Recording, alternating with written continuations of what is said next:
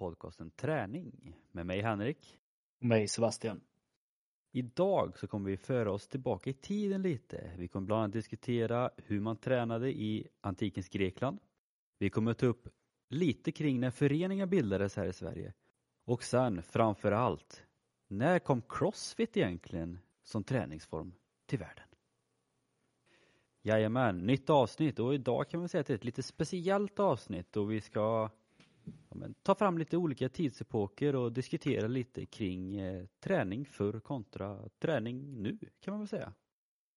Ja, det är väl väldigt så som det kommer att vara. Det, vi kommer föra er genom en eller historia kring träning helt enkelt. Att man kanske alltid undrat att hur tränar man eh, tidigt, tidigt liksom. Eh, första människorna tränar om? Ja, det vet vi inte. Kanske vi får reda på idag. Eh, men sen så har vi ju även en liten avslutande sak som kommer handla om hur tror vi att vi kommer träna i framtiden? Och där är det ju verkligen bara att spekulera och helt enkelt chansa.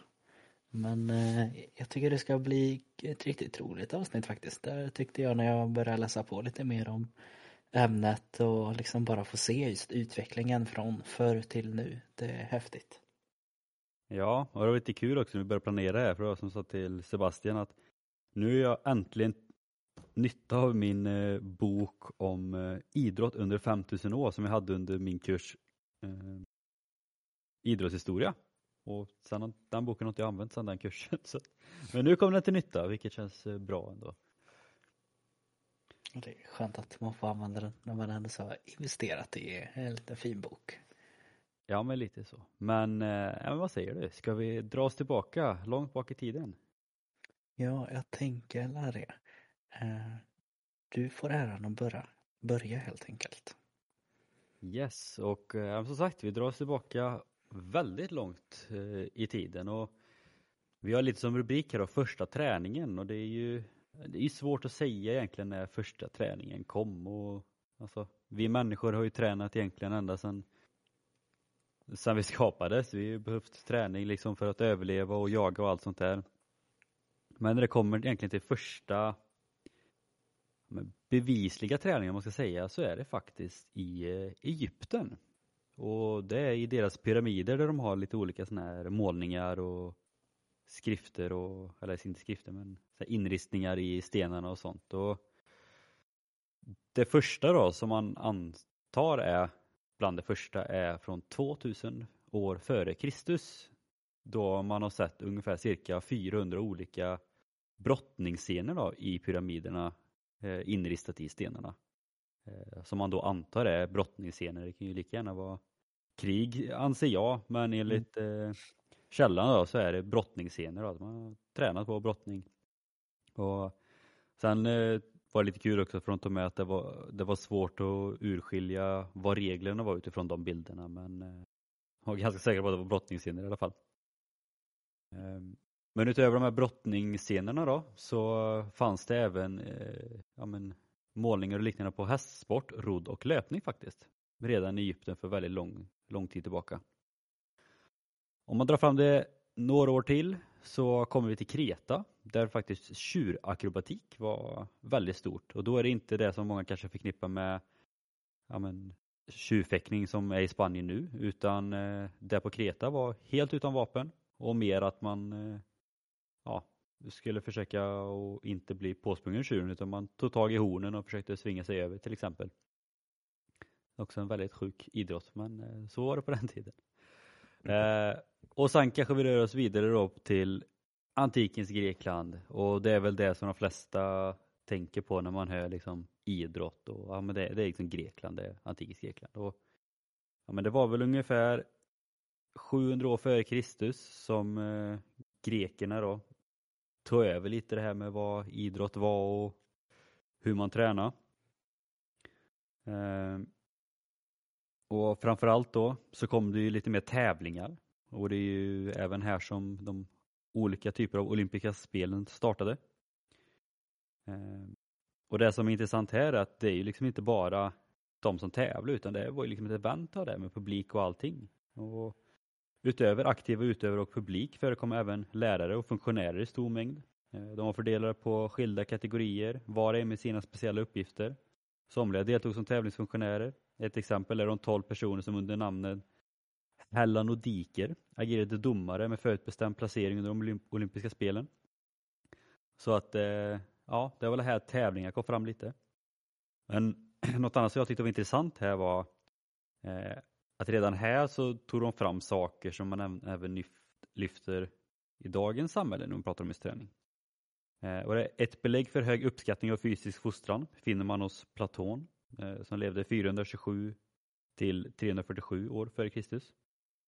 Eh, som var en av antikens främsta tänkare i sina dialoger där den möjligen endast fiktive Sokrates uppträdde som samtalspartner framgår ordnade kroppsövningar som ett viktigt inslag i den allmänna medborgarfostran. Det gällde i lika mån båda könen och hans samlande argumentering täcker vida fält. Att då träning och det och fysisk fostran ger bättre hälsa och ökad kroppslig styrka. Personlighetsutveckling, att man lär sig med ja, hur man förstår tålighet och mod etc en själslig harmoni, nationell identitet och militär förmåga samt att det ger en skönhet. Och jag tror väl att du håller med lite där att med många av de här punkterna lever vi faktiskt kvar än idag. Det är väl det som är så häftigt just med när man kommer in på de här gamla filosoferna eller forskarna eller vad, vad man ska kalla dem, tänkarna. Eh, oftast har ju de redan tänkt alla tankar som vi har idag. Eller man har väl ett talesätt att det du tänker på det har minst en person tänkt på redan.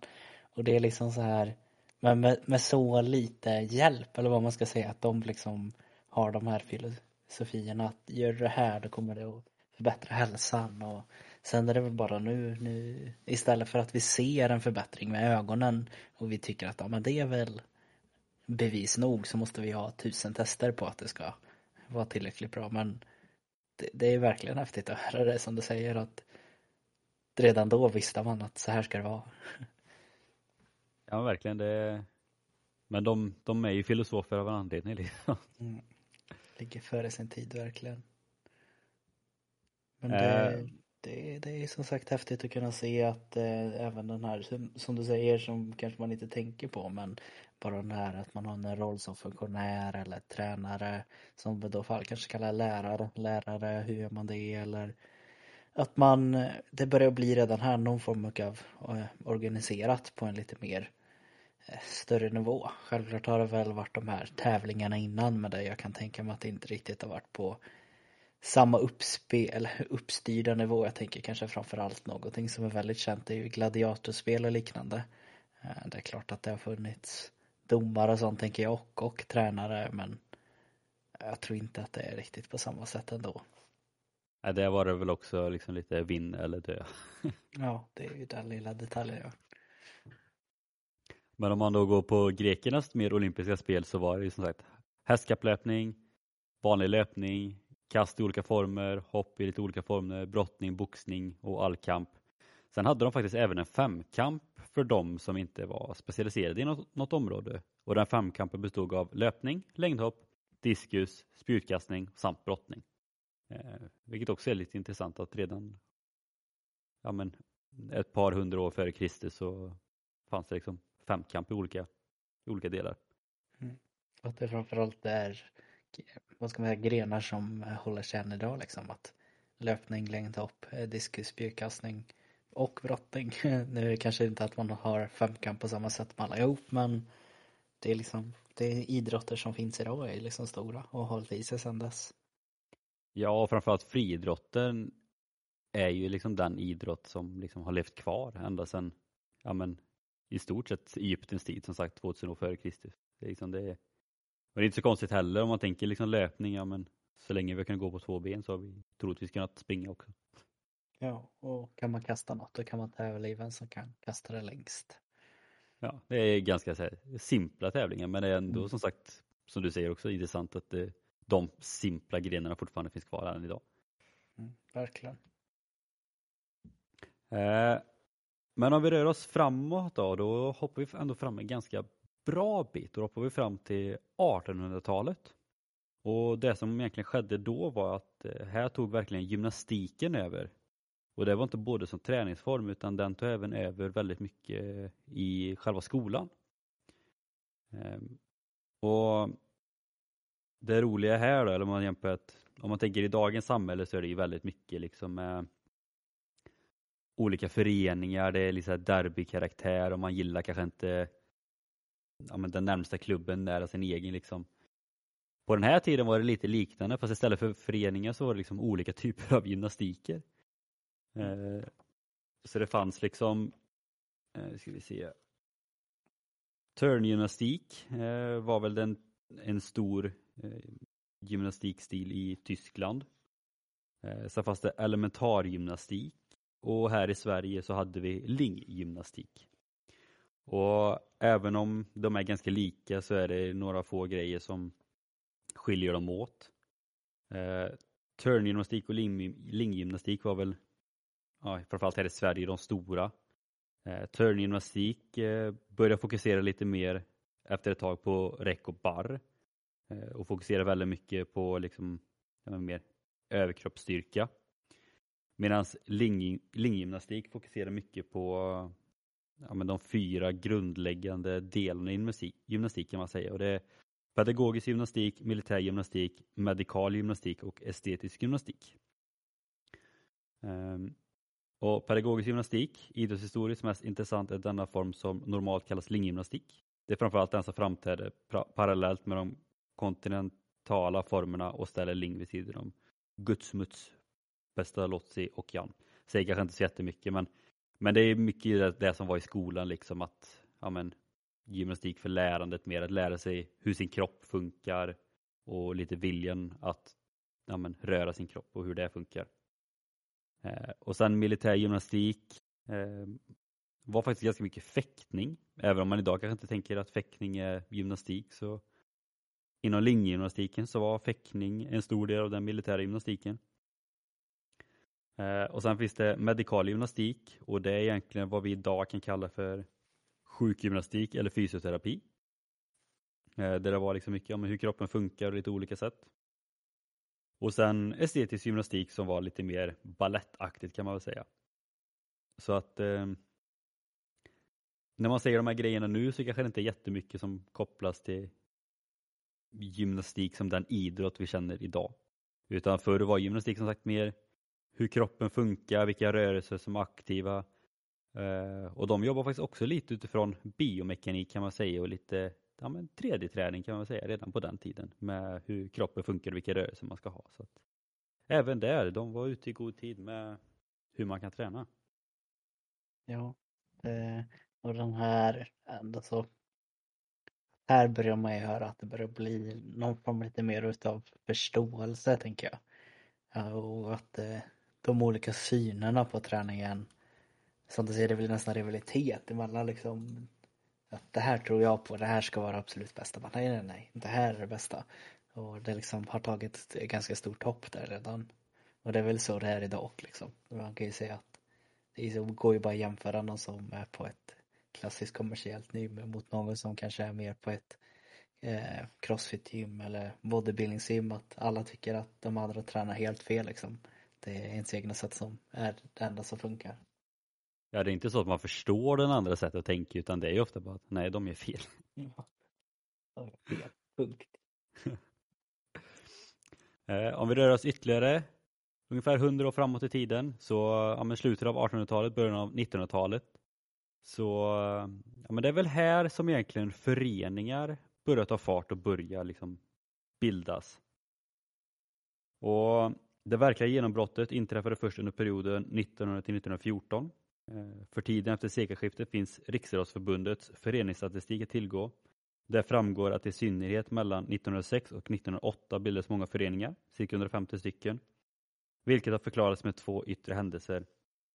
Dels den nationalistiska stämningar efter unionsupplösningen 1905 och inspiration från de extra OS i Aten 1906. Så då började ju fler föreningar komma och sen fortsatte det bara och fortsatte och fortsatte och fortsatte.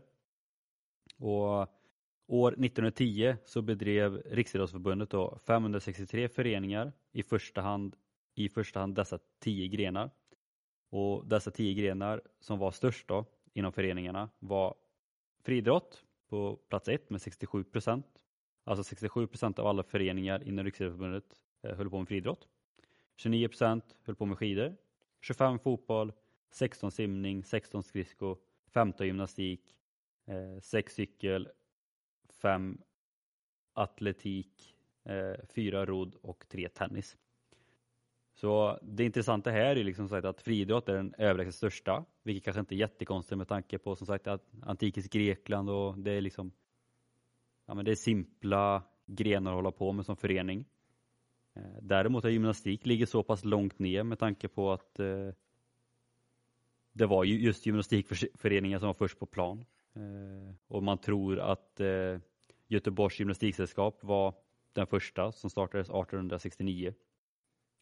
Men ändå så var det ju då bara 15 procent av föreningar som höll på med gymnastik. Så att, trots att det var så stort under 1800-talet och det blev liksom en folkrörelse kan man säga så var det ändå inte jättemånga föreningar som startade inom just gymnastik utan det var mest friidrott och skidor och fotboll.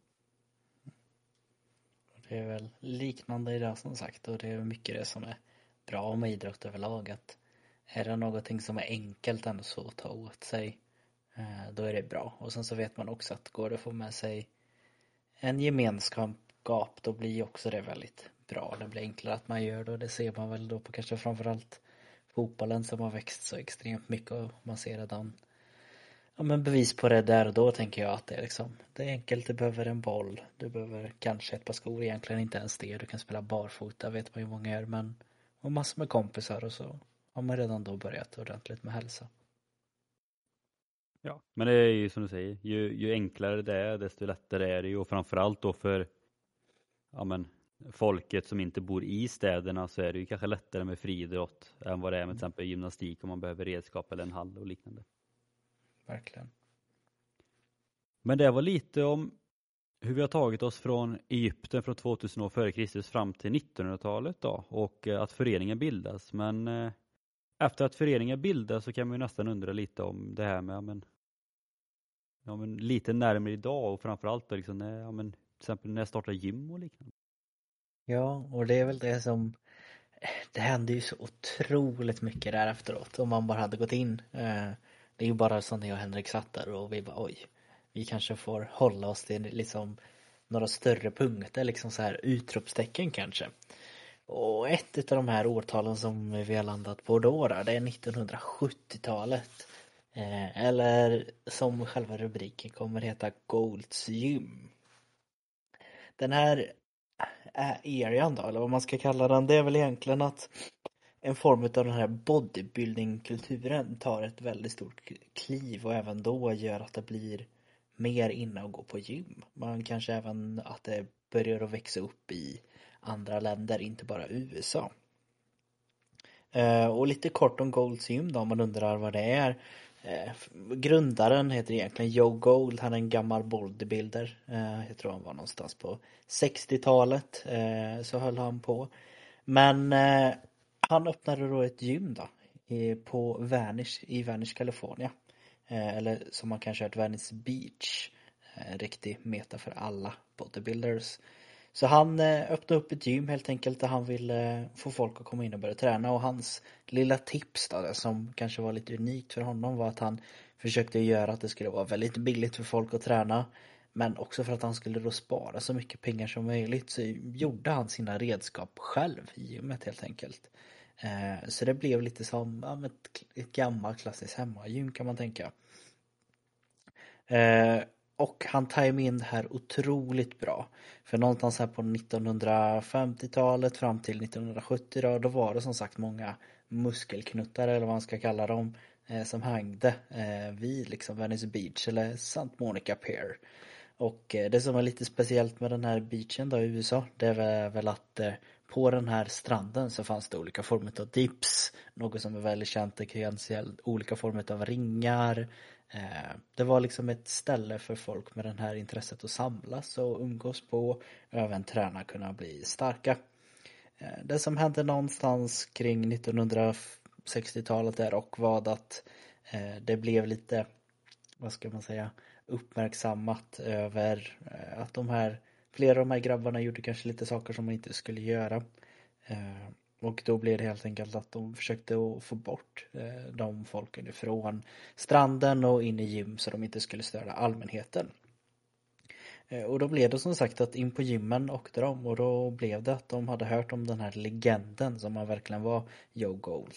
Och då började man att gymma där. Något som är väldigt då, unikt som man kanske har hört om Golds gym det är eh, Arnold. Arnold en utav, jag ska väl ändå så säga att han idag, du får se om du håller med mig men han måste väl vara en av de mest kända bodybuilden någonsin tänker jag. Alltså jag skulle säga att han är en av de mest kända personerna. ja, men verkligen. Men vad tänker så just det här Gold där, det blev liksom att ville du lyckas inom bodybuilding då var det dit du åkte. För det var top of the top var där. Det var så inne med allt i, i den här kulturen som vi är inne i idag liksom det här med att du ska äta bara ris och kyckling, du ska gå i ett linne som knappt täcker liksom din kropp, du ska liksom vara så otroligt stark och även då på den tiden så började det bli väldigt inne med något som heter superset där, att man skulle verkligen pumpa upp musklerna. Eh, och den här kulturen har väl den har väl aldrig slutat skulle jag säga. Det är klart att det har gått upp och ner i popularitet men det är ju fortfarande än idag om man kollar på gymmen så är det ju många som lever och liksom vill önska att man levde på 1970-talet så man kunde gå vara på Golds gym och äta proteinpulver och gymma. Det var det enda man gjorde. Jag tror mycket handlar ju om det liksom som även grekerna eh, var ute på just det här med, det, med lite det visuella också eller skönhet som man säger liksom. Mm. det är klart att fan, de, de är ju skitstora och starka, det är klart att man vill vara som dem liksom. Det, och det är som du säger, det är ju klart att det fortfarande lever kvar än idag. Det är ju det är inget konstigt att många vill se större och starkare ut liksom. Nej, eh, det tycker inte jag heller och som sagt att där så blev det väl en annan fixering då på kanske ta det ytterligare en nivå, inte riktigt som bodybuilding har varit innan där 1950-talet utan här är plötsligt så blev det ju även en liten tråkig kultur med att liksom börja använda anabola steroider och andra ämnen för att liksom gå över det maximala. Man hade kommit till en så pass hög gräns att nästa steg egentligen var att komma lite på en olaglig värld och det är väl något som tyvärr ändå så har hängt kvar och kanske även är accepterad inom den här världen att alla gör det. Tyvärr. Ja. Men om man kanske ska gå till något lite mer, jag tycker det är lite mer festligare det här som kommer nu och det är 1980-talet. Eh, och här så tänker man ju redan på 80-tal, färg, glad, kul. Och jag skulle säga att det håller väl i även träningen, den har liksom följt med resten av världen. Eh, så någonting som kom på 1980-talet eh, var aerobics. Och eh, man kan väl säga att det börjar då i USA. Eh, Någonstans utav, egentligen 1950-talet men man kan säga att det blev egentligen större eh, och liksom började mer bli en komplett eh, fysisk eh, träning någonstans på 80-talet. Och där då så blev det att den här växte otroligt fort. Eh, vågar växa som sagt med någonting som är väldigt välbekänt. Det är de här rosa benvärmarna, huvudbandet. Eh, var även en känd Jane Wadison som var en aerobic-instruktör. Eh, som egentligen var eh, mer fokus, eh, gjorde den här aerobiken mer fokus då på kanske rytm, träning i kombination med styrka och flexibilitet. Något man kanske då tänker när man ser den här, det är de här tajta, nästan baddräkts dräkterna som han hade ett otroligt smile på läpparna och egentligen bara rörde sig till tack och det såg ut som han bara hade kul helt enkelt. Aerobic ser kanske lite annorlunda ut idag då, men syftet är detsamma. Man har någon man har väldigt mycket olika fysiska krav som till exempel både styrka, kondition, koordination och rörlighet. Det är samma fokus att man vill ha mycket socialt. Oftast gör man ju det här i en grupp även idag, olika aerobicspass. Där man kanske är någonstans mellan 20 till 30 personer. Och det är då att det leds av en instruktör som tillsammans med musik och rörelserna eh, liksom gör en form av eh, upplägg eh, där det är en liksom en likhet och det blir nästan som en sport utav det. Att man samlas, träffas och utför det man ska göra. Man kan väl nästan säga att det var ju liksom med hjälp av aerobic som gruppträning liksom blev, blev stort. För ser man idag så är gruppträning en väldigt stor träningsform och väldigt populär träningsform liksom bland alla yngre, äldre, män, kvinnor liksom, erfarna eh, och oerfarna. Och aerobics var alla bland de första, om inte det första egentligen, gruppträningspasset som kom egentligen. Ja, och man kan verkligen säga slog igenom totalt. Eh, Tidigare har ju det här som kanske blev lite mer stort, på 70-talet så var det ju fortfarande lite udda. Det ser man ju bara på att de blev utslängda från eh, stranden. De sa att de hittade, det var ju båda kanske att de gjorde olika grejer men att på den tiden så var man ju lite utanför om man höll på och träna lika mycket och bara för att vara stor och liknande. Men det här blev ju också den här samma som det var med liksom en folkrörelse. Det var liksom på varje gym var det det. Eh, man eh, tittade på tv, man köpte hem VHS-band för att träna och tona rumpan och benen och det liksom, det var ju så i takt med stilen hela det här 80-talet liksom att det var det här färgglada, det var här, det här lyckan. Man skulle inte riktigt tänka på att man tränade, det var bara fokus på ja, leva helt enkelt. Må gött och ha kul. Ja, det är faktiskt väldigt bra. Och eh, den här gruppträningen då, det är väl någonting som som är och fortfarande är väldigt nyttigt för att få en större massa och börja träna. Eh, vi har ju nämnt det massor med gånger tidigare att har man någon med sig som stöttar till och pushar en lite extra då är det större chans att man gör det och det krossar av så många andra rutor än att bara må bra och alla hälsodelar utan det blir det här sociala allting. Eh, och man kan väl säga att nästa hopp även där är liksom krossa i alla de här rutorna. Eh, det sociala, styrkan, tidseffektivt. Eh, man kunde både bli stark, rörlig, flexibel, allt liksom. Eh, så vi, vi drar ett litet hopp och vi rör oss mot eh, 2000-talet. Eh, och då går vi till crossfiten.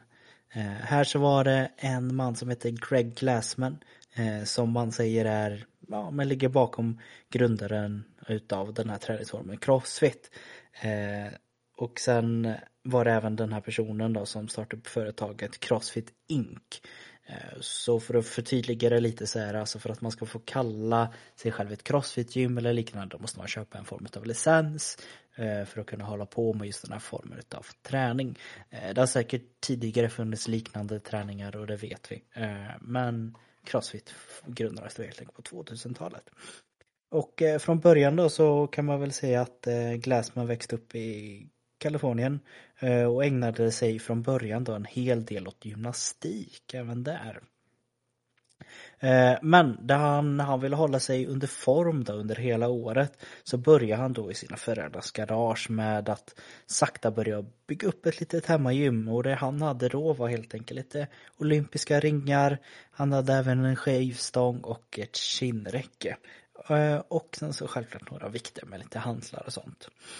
Eh, det Glassman ville var att han ville att träningen skulle vara liksom krävande och att han ville då även göra det här med de vanligaste övningarna som man kanske har tagit ifrån bodybuilder-näringen. Eh, men det han då försökte uppnå det var liksom total utmattning eh, och eh, de har även skrivit ner det på lite olika tester att han hade försökt ha mer fokus på att ta bort från repsen, alltså antalen så det var mer på bodybuildingen. Och då ger han, vill han mer jobba efter en form av känsla. Och jag har sett här på flera fordon att han liksom eh, försökte pressa kroppen så pass hårt att han fick en liten ökad risk för att spy utav utmattninghet Eh, så redan där ser man att ja, det är det crossfiten har som fokus på.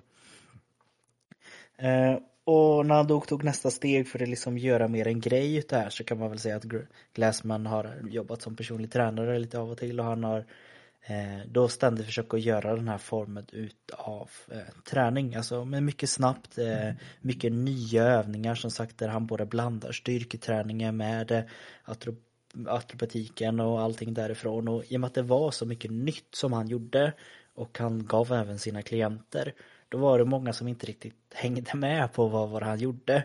Vilket då både ökade risken för att det var flera som skadade sig. De tappade vikter på sig, de förstörde vikter, de förstörde förstörde gymmet helt enkelt. Så han hade det inte så lätt den här Glassman utan han blev utsparkad i hur många gym. Eh, och man kan väl säga att han hade det lite svårt. Men eh, i slutet av 90-talet där så fick han lite stöttning, eh, lite rent ekonomiskt för att öppna upp sitt eget gym och det var så helt enkelt crossfiten skapades. Det är ändå kul att han fortsätter efter att det går så dåligt. Ja, men det är ändå så här, det är som du säger att han tror verkligen på sin grej och jag vet även där att han har pratat om att han han har jobbat med poliser till exempel och gjort den här att det skulle vara just den här blandningen mellan och ja men lite som aerobics och även de större idrotterna varit att man ska kunna vara duktig på allting. Som femkampen i de olympiska spelen att man ska springa, hoppa, kasta, brottas. Men att även här nu då på crossfiten att du ska kunna dra dig upp för en stång, du ska kunna lyfta tungt, du ska kunna springa, du ska kunna stå på händer och jag tror det, det har alltid varit att människan har alltid dratts till att se liksom andra människor göra saker som är svåra. Det är som med de olympiska spelen, med gladiatorerna, med ja, men den här styrkan att liksom ha den kontrollen över kroppen är fantastisk och att även nu vanliga Svensson skulle kunna få på något sätt känna sig lite att jag kan göra vad som helst. Det, det är väl det som har varit det stora kan jag tänka mig för just det växande inom crossfit. Men det är ju, alltså man kan säga att det är ju ändå en röd tråd i det. Liksom att, ja, men grekerna trodde på sin grej, körde på det. Sen kom ju sagt med gymnastiken, men turngymnastiken trodde på sin grej, linggymnastiken trodde på sin grej. Eh, kom man fram lite, men han, Joe Gold trodde på sin grej och det blir stort också liksom. Och Glassman trodde på sin grej med crossfit och det blir stort liksom. Man märker ju verkligen att folk som tror på sin grej nu gäller inte det alla Nej. såklart, men eh, de här personerna som du själv sa, liksom, de, de tror på sin grej och till slut så har de lyckats för att de tror så, på, så pass starkt på det. Ja. Och det är ändå det är intressant att se. Verkligen, och det är det som är häftigt just med träningen under liksom före Kristus till ganska nära nu att de har ju ändå så fått, om man kollar rent en fysik, så har de ändå så fått en bra fysik. Även om de eh, kastade en sten så långt de kunde eller om de dansade och hoppade och tjoade eller om de lyfte vikter tills de spydde. Att de har ändå så kunnat få upp en riktigt imponerande fysik oavsett vad de höll på med. Och det är väl det som är det roliga med fysisk aktivitet och träning att och vi tjatar om det varje gång men jag kommer dra upp det igen att grunden är ju faktiskt att hitta någonting man gillar. Någonting som man tycker är riktigt kul och sen så kör man på det. För majoriteten utav allt är det bättre än ingenting. Och det är väl ändå det som är det stora nu, om man då ska kolla de senaste, ja men, tio åren liksom att vad är det som har hänt då? Och det stora är ju helt enkelt att nu kan man köra på sin grej liksom. Tidigare så är det ju ofta liksom att, ja men det Ja men framförallt 1900-talet och tillbaka, men det är en grej, alla köper den. Sen kommer något nytt, alla köper den. Eh, men det märker vi här under 1900-talet, det kommer mer och mer olika saker och nu är det verkligen så här, men man gör det man själv tycker är kul, det man tycker passar bäst för en själv och det man ser bäst utveckling inom. Och det här med också att man tror på sin grej. Eh, jag vet inte hur många gånger vi har nämnt det nu men Nils van der Poel. Han trodde på sin grej, sitt koncept och krossade allt liksom. Så att det finns ju bevis på att det fortfarande går att hitta nya saker och nya metoder för att göra det man vill och nå, nå så långt som man kan liksom. Ja, jag skulle också säga att det är väl det som är den här tiden, om man pratar tio år fram till nu någonstans. Att det är klart att när allting kom med just att mäta grejer och sånt, det var väl väldigt inne på det och optimera saker och från ett rent forskningsperspektiv, liksom att det här ska vara det bästa. Eh, men jag, kan, jag tror det kommer bli väldigt intressant nu någonstans från 20, 2020, kanske lite tidigare, kanske 20 fram, år till att den här synen att man, man går ju nästan, inte tillbaka i tiden, men sättet att liksom tänka på är faktiskt nästan att man går tillbaka lite det här med att man gör rörelser som kroppen är gjord för. Liksom så här att det här med att ja, men alla sprang förr i tiden. Ja men då var det det de gjorde. De red på hästar för att ta sig på grejer. Ja men då var det det man tävlade i. Man eh, använde ett spjut för att jaga och då var det det man övade med och det var det man blev duktig på. Och det är det som börjar komma tillbaka idag, även som vi har pratat rätt mycket just om kring den här funktionella träningen.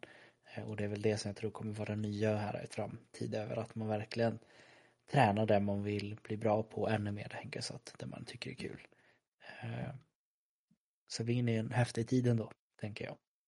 Men det är ändå lite intressant för just som sagt det med funktionell träning och allt sånt. Det verkade ändå som att det ändå var ja, Klart att det var inte helt optimalt men det känns ändå som att det fanns lite där men framförallt på 1800-talet med gymnastiken men mm. som du sa där att ja, men även i ja, men forna Egypten och antikens Grekland så gjorde man, tävlade man ju det man behövde tävla i liksom. Mm. Och det känns ju som att någonstans på vägen så är det tappats bort. Men nu ändå börjar komma tillbaka igen liksom. Ja. Och då, vi har väl egentligen bara en punkt kvar nu. Och här är det väl, här har vi inget riktigt att stå på. Det är väl mer, lite kanske. Ja, men kanske. Vi kanske har någon inside information som vi delar med oss nu. Det får ni se sen om vi har rätt i framtiden. Men det är som sagt, hur tror vi att hälsa och träning kommer att se ut i framtiden? Har du någon tankar eller något som du tror på kommer liksom vara det här i framtiden? Alltså det första jag tror är ju att det kommer finnas mycket bredare sätt att träna på. Eller sen nu är det ofta liksom att om jag vill bygga muskler, men då säger de flesta att då ska du göra exakt så här liksom. Eller jag vill bli snabbare på milen, då ska du göra exakt så här. Jag tror att det kommer mm. finnas liksom olika, olika vägar till målet. Så. Eh, men ska man tänka just träningssätt så tror jag något som definitivt kommer växa är ju till exempel att använda VR och liknande. Mm. Eh, vi vet ju redan, alltså vi är ju nämnt tidigare till exempel bara Swift eh, som träningsredskap nu där man liksom kan springa ett virtuellt lopp eh, på löpband eller på cykel liksom. Eh, och redan det, det har ju också egentligen exploderat att istället för att bara sitta på en motionscykel så kopplar man upp sig till en iPad och så tävlar man mot andra som också cyklar liksom. Eh, men jag tror mycket kommer liksom kopplas till VR på något sätt också, att man liksom både kan ha något form av, tänker man lite längre i framtiden, så tänk, det hade varit coolt. Jag vet att det finns, jag tror för att det finns några klipp på det här, liksom, fast det är ju mer spelinriktat. Men att man har typ som ett löpband, fast det funkar åt alla håll liksom. Mm. Och så ett VR-headset. För då kan man ju plötsligt bara, ja men nu vill jag springa i Alperna eller något sånt där liksom. Så drar man på sig VR-sättet och så ställer man sig på det här löpbandet och så är det uppförsbacke så blir det jobbigare att springa, är det nedförsbacke så går det lättare att springa och så är det höger, vänster och liknande. Det, det är någonting som jag inte blir förvånad om det kommer. Och, för det känns som att det inte är jättelångt bort ändå med tanke på just det här med Swift och allt sånt där som redan har kommit. Ja, det är väl alltid, det tror jag också är min, min syn på att det kommer ta över. Det kommer inte slut helt. Det är väldigt svårt att tro. Men jag tror folk som bara vill hålla sig lite igång, lite det här vad ska man säga, Svensson. Det tror jag faktiskt kommer kanske nästan kunna slås ut lite. Eh, för, för dem är det oftast mer fokus på det sociala och att man rör på sig. Vilket betyder att, och sen så kan de göra det helt enkelt kanske hemma, hemma. Det är bara det att de kan köpa ett VR-set och sen göra en form av promenad eller vem vet vad som kan komma liksom. Men att om de kan göra det och sen socialt umgås med sina vänner. Eller bara att de åker till ett gruppträningspass. Jag vet att det har jag nog nämnt någon gång att jag vet att USA var en av i någon stad. Det var en av de första som öppnade det första virtuella rummet eller gymmet. Och då var det ju som sagt att de får gå in i en det är ju lite så roligt när man förklarar men de får gå in i liksom en en liten, en litet rum. Det är ingenting där inne. Det är liksom bara ett VR-set, svarta väggar och that's it. Men, och sen så får man liksom beställa, beställa en tid och så får man vara där. Men att bara gå in där och ta på sig en virtuell ja, men mask eller vad man ska kalla det och sen få träna att jag tror det kommer ta över mycket. Jag tror också det kommer att kunna ta över väldigt mycket just kanske just för ungdomar, eh, skolidrott och liknande. För att öka just motivationen att röra på sig. Att tråkigt idag så har de svårare att hålla fokus. Eh, det kan ju antingen ta den vändningen att man fortsätter bara på den här vägen att hur kan vi få barn att de blir ju lite lurade med de här starka ljusen från tvn och allt, allt sånt som liksom får ens uppmärksamhet och bara oj vad händer här, oj vad händer här. Eh, det man kan göra är att ta vägen och antingen fortsätta att man sätter in det i ett spel. Att de tänker inte på att de har rört sig i en timme för de har bara fått ett spel med överstimulans och allting sånt. Antingen tar vi den vägen om vi tror att det funkar. Eller så har jag också en tes att det liksom kan bli totalt annorlunda. Att det blir att allt annat är så pass inne i den här virtuella världen att jobbet är virtuellt, allt är virtuellt. Du, liksom, du gör ingenting. Men att den fysiska träningen liksom blir att den håller sig där den är nu. Det ska verkligen vara att du ska koppla bort det från allting. Att man har fått en större förståelse över hälsa och kanske mer den mentala hälsan. Att det kan vara nyttigt att koppla ur sig.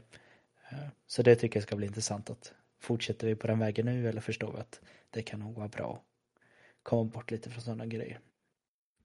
För jag tänker liksom att det är bara att kolla liksom när Wii Sport kom och mm. explodera. Sen kanske inte det liksom är det, ja, men det jobbigaste liksom. Men sen kommer det här Wii Fit kom ju. Mm. Och Nintendo Switch har väl också någonting där man har någon sån här hjul som man ska hålla på och, ja. eh, liksom så att gamingindustrin har ju liksom redan börjat göra träningsspel liksom. Så att det är ju verkligen ett växande område. Och liksom det blir ju att alltså de som gör spel ser ju liksom att ja, det är ett område som det går att växa inom och sälja inom. Så att ja, jag skulle bli förvånad verkligen om de inte fortsätter det som sagt. Sen tror jag också ja. att det var väldigt bra lite så du var inne på det med, med lite mental hälsa och sånt också. Det kan ju liksom vara att det finns olika koncept i spelet liksom beroende på vad det är man vill tränare. Det kan ju finnas allt från ett konditionspass till styrkepass till andningspass till meditationspass typ och liknande. Jag, jag är rätt säker på att det kommer finnas, eller det är redan idag det här med vi ska inte gå in för mycket jag kan bli väldigt inne på eh, metaverse, alltså eh, en virtuell värld men i och med att jag har ett VR-set så jag har ju liksom exempel, jag har ett boxningsspel, jag, då boxas jag helt slut. Jag har en, en app där man kommer i en regnskog och mediterar. Jag ville bara testa det, men det är fantastiskt. Att gå in dit och bara så här, koppla bort allt. Du är en regnskog, du bara sitter och andas. Eh, jag har en annan grej där du kan aktivt gå in i olika pass. Det finns det en instruktör som har yoga, det finns en instruktör som har aerobics. Eh, eller vill man verkligen bara inte tänka på att man tränar, då kan man köra något som även jag har spelat med Henrik som heter Beat Saber. Det är som ett dans eller musikspel där du ska slå på kuber i en viss takt. Man tänker inte alls på att man har rört sig men efter några timmar så är man ganska varm alltså. Eh, så det här kommer det kommer slå igenom. Det är det väl enda vi vet om. Ja. Så att, eh, ja men det är väl lite det att det digitala kommer väl växa. Men sen blir det ju, jag är ju verkligen nyfiken på liksom, olika koncept, som sagt som Nils van der Poel som går sin egna väg, liksom hur mycket hur mycket mer sånt som kommer nu efter att han gjorde det och lyckades så pass bra. Liksom. Det, det är samma sak nu liksom i, jag vet inte om du har hört, men till exempel i skidanslaget, två av våra största stjärnor, eller tre av våra största stjärnor har ju valt att inte vara med i landslagets träningsgrupp för att istället träna på egen hand med sitt egna team för att försöka få fram vad de lyckas bäst med. Liksom. Så det, det känns som att det är fler och fler som vågar gå sin egna väg nu. Ja, eller få förståelsen över att en individ kanske behöver olika. Eh, en av de första exempel jag kommer att tänka på det är, vi behöver inte namn använda namn, men du vet han läraren som vi hade som var, var en fystränare eller coach åt en eh, vad heter det när man springer med karta? Orientering. ja, orientering. Kommer du ihåg den historien när han pratade om att han, han fokuserade på ren styrka till den här orienteringstjejen? Eh, och hur alla i liksom hela orienteringssverige trodde att du är galen, du kommer förstöra den här talangen. Men han körde på sitt race för han trodde att det skulle ge henne liksom fördel att kunna bli stark, bli stark i benen och kunna ta sig i tyngre terräng och alla sa att du är galen, hon kommer bli för tung, hon kommer inte kunna klara av det. Men sen var det, hon vann ju SM eller var det något ännu större liksom, ganska stort. Ja, det var säkert VM. Ja, Eh, något sånt var det och hur han sa liksom bara, och då stod jag där och bara tänkte upp med, med pekfingrarna eller middle fingers och liksom bara fuck you all. Jag klarade det, jag gick min egen väg. Eh, den kommer jag aldrig glömma och jag hoppas som sagt att som du säger att många kommer att våga göra detta nu. Ja, men det är lite som vi alltid tar upp i podden också det med att våga vara källkritisk, våga hitta liksom, egna vägar, egna källor eh, och allt sånt där liksom. Och det är mycket inom träningen har ju varit för låst liksom. Så här ska det vara, gör du något annat än det här så kommer du skada dig liksom. Det är ju inte undra på att folk inte vågar gå egna vägar för att ända sedan man är liten så är det verkligen så här bara att du ska göra det här, gör du det här på något annat sätt så kommer du skada dig liksom. Det, men så är det ju liksom inte. Det, nej, Nej. det är svårt. Men vi har sagt det förut, vi är väldigt, du och jag som har ändå så här intresset, vi ligger ju väldigt bra tidsmässigt till faktiskt. Det hade varit svårare om vi levde på 1800-talet kanske och var, kom på att ah, vi vill hålla på med funktionell träning men alla andra var, det är gymnastik det ska vara. Det, vi lever en bra tid. Eh, men då, då har vi ändå så gett en liten form av lite förståelse för just hur träningen har utvecklats från början, från Egypten där, där, där man redan såg i pyramiderna lite som lite målningar på fyra olika brottningsscener till att man helt plötsligt skulle köra gymnastik och sen så skulle man bli stor och stark på ett gym och sen så kommer vi dit över idag att det är okej att göra lite var som, bara du själv tycker att du mår bra och det är inte skadligt. Och framtiden som sagt, det går ju bara att spekulera om vad som ska hända. Men är det så att du kanske har någon idé om vad du tror att framtiden ska vara? Varför skriver du inte till oss då på ett eh, DM på Instagram, att traning podcast? Eller så kanske du har en av dina kollegor eller kära vänner som eh, är fortfarande fast i 1800-talets eh, gymnastik och du tycker att den borde gå in och lyssna på våran podcast och lära sig om, det härliga 80-talets aerobik och börja röra sig på det sättet. Dela våran podcast och ett enkelt sätt för att vår podcast ska bli större och kunna inspirera mer folk som till exempel den granne är om du har Spotify så finns det nu ett system där du kan ge stjärnor från 1 till 5 stjärnor på hur mycket du tycker om våran podcast. Så vi skulle vara väldigt tacksamma om du går in där och kanske, kanske är det så snäll att du ger oss fem stjärnor. Det skulle vi vara tacksamma över. Det tycker jag att ni ska göra. Det tycker jag med. Eh, men som sagt, med de orden som vanligt så tackar vi just dig som lyssnar på detta avsnitt och vi hörs nästa vecka helt enkelt. Det gör vi. Ha det gott.